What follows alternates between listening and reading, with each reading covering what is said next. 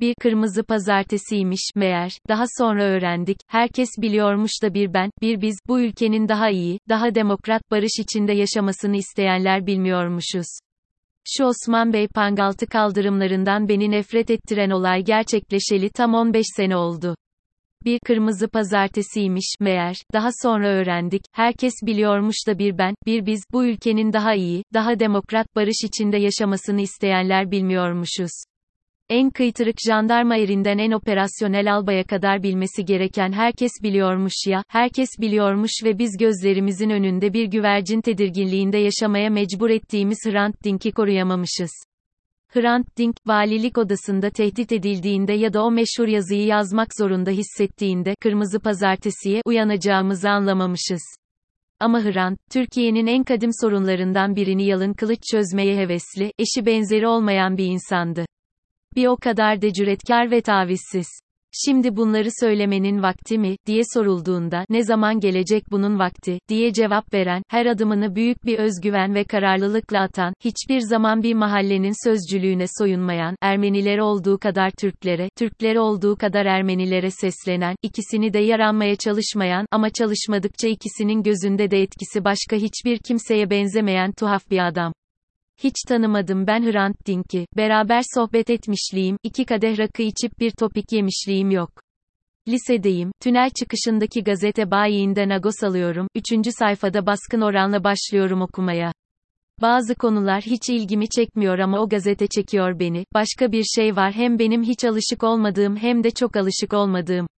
Sanırım Hrant'ı en iyi anlatan şeylerden biri bu, antagonist çelişkiyi, kendi kimliğinde meczetmesi ve bundan dünyalı olduğu kadar Anadolulu veya bunun tam tersi bir kişilik çıkarması.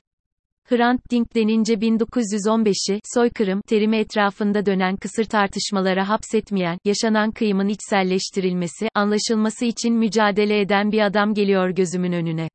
Ermeni cemaatine hitap eden Türkiye'li bir gazete geliyor, Türkiye'lilik geliyor, adının Fırat olarak nüfusa geçirilmesiyle, Tuzla'daki yetimhaneyle başlayan bir varoluş serüveni geliyor.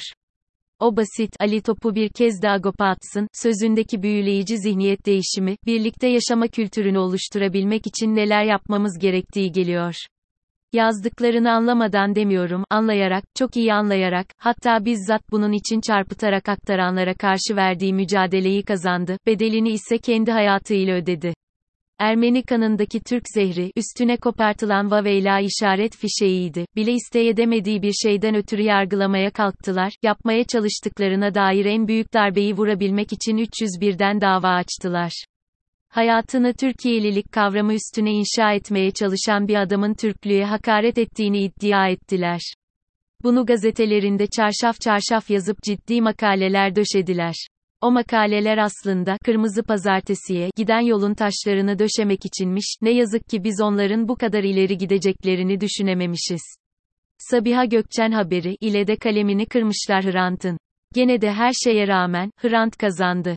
Ektiği tohumlar cenazesinde filizlendi. Yüz binlerce insan bir araya gelip, hepimiz Hrant'ız hepimiz Ermeniyiz, diye haykırdı. Belki de birçoğu ilk kez ötekinin cızaretlerini giyip baktı dünyaya. Türkiye'de, ses çıkaran bir Ermeni olmanın, ne demek olduğunu düşündü. Osman Bey Pangaltı kaldırımı, her 19 Ocak'ta olduğu gibi yine Hrant'ı anmaya giden insanlarla dolacak. Bir tek 19 Ocak'ta, saat 3 sularında, siyahlara bürünmüş insanlarla dolunca güzel gözüküyor bana o kaldırım. Sonra, meşhum olayı hatırlıyorum. Ve, o kaldırımlardan gene nefret ediyorum.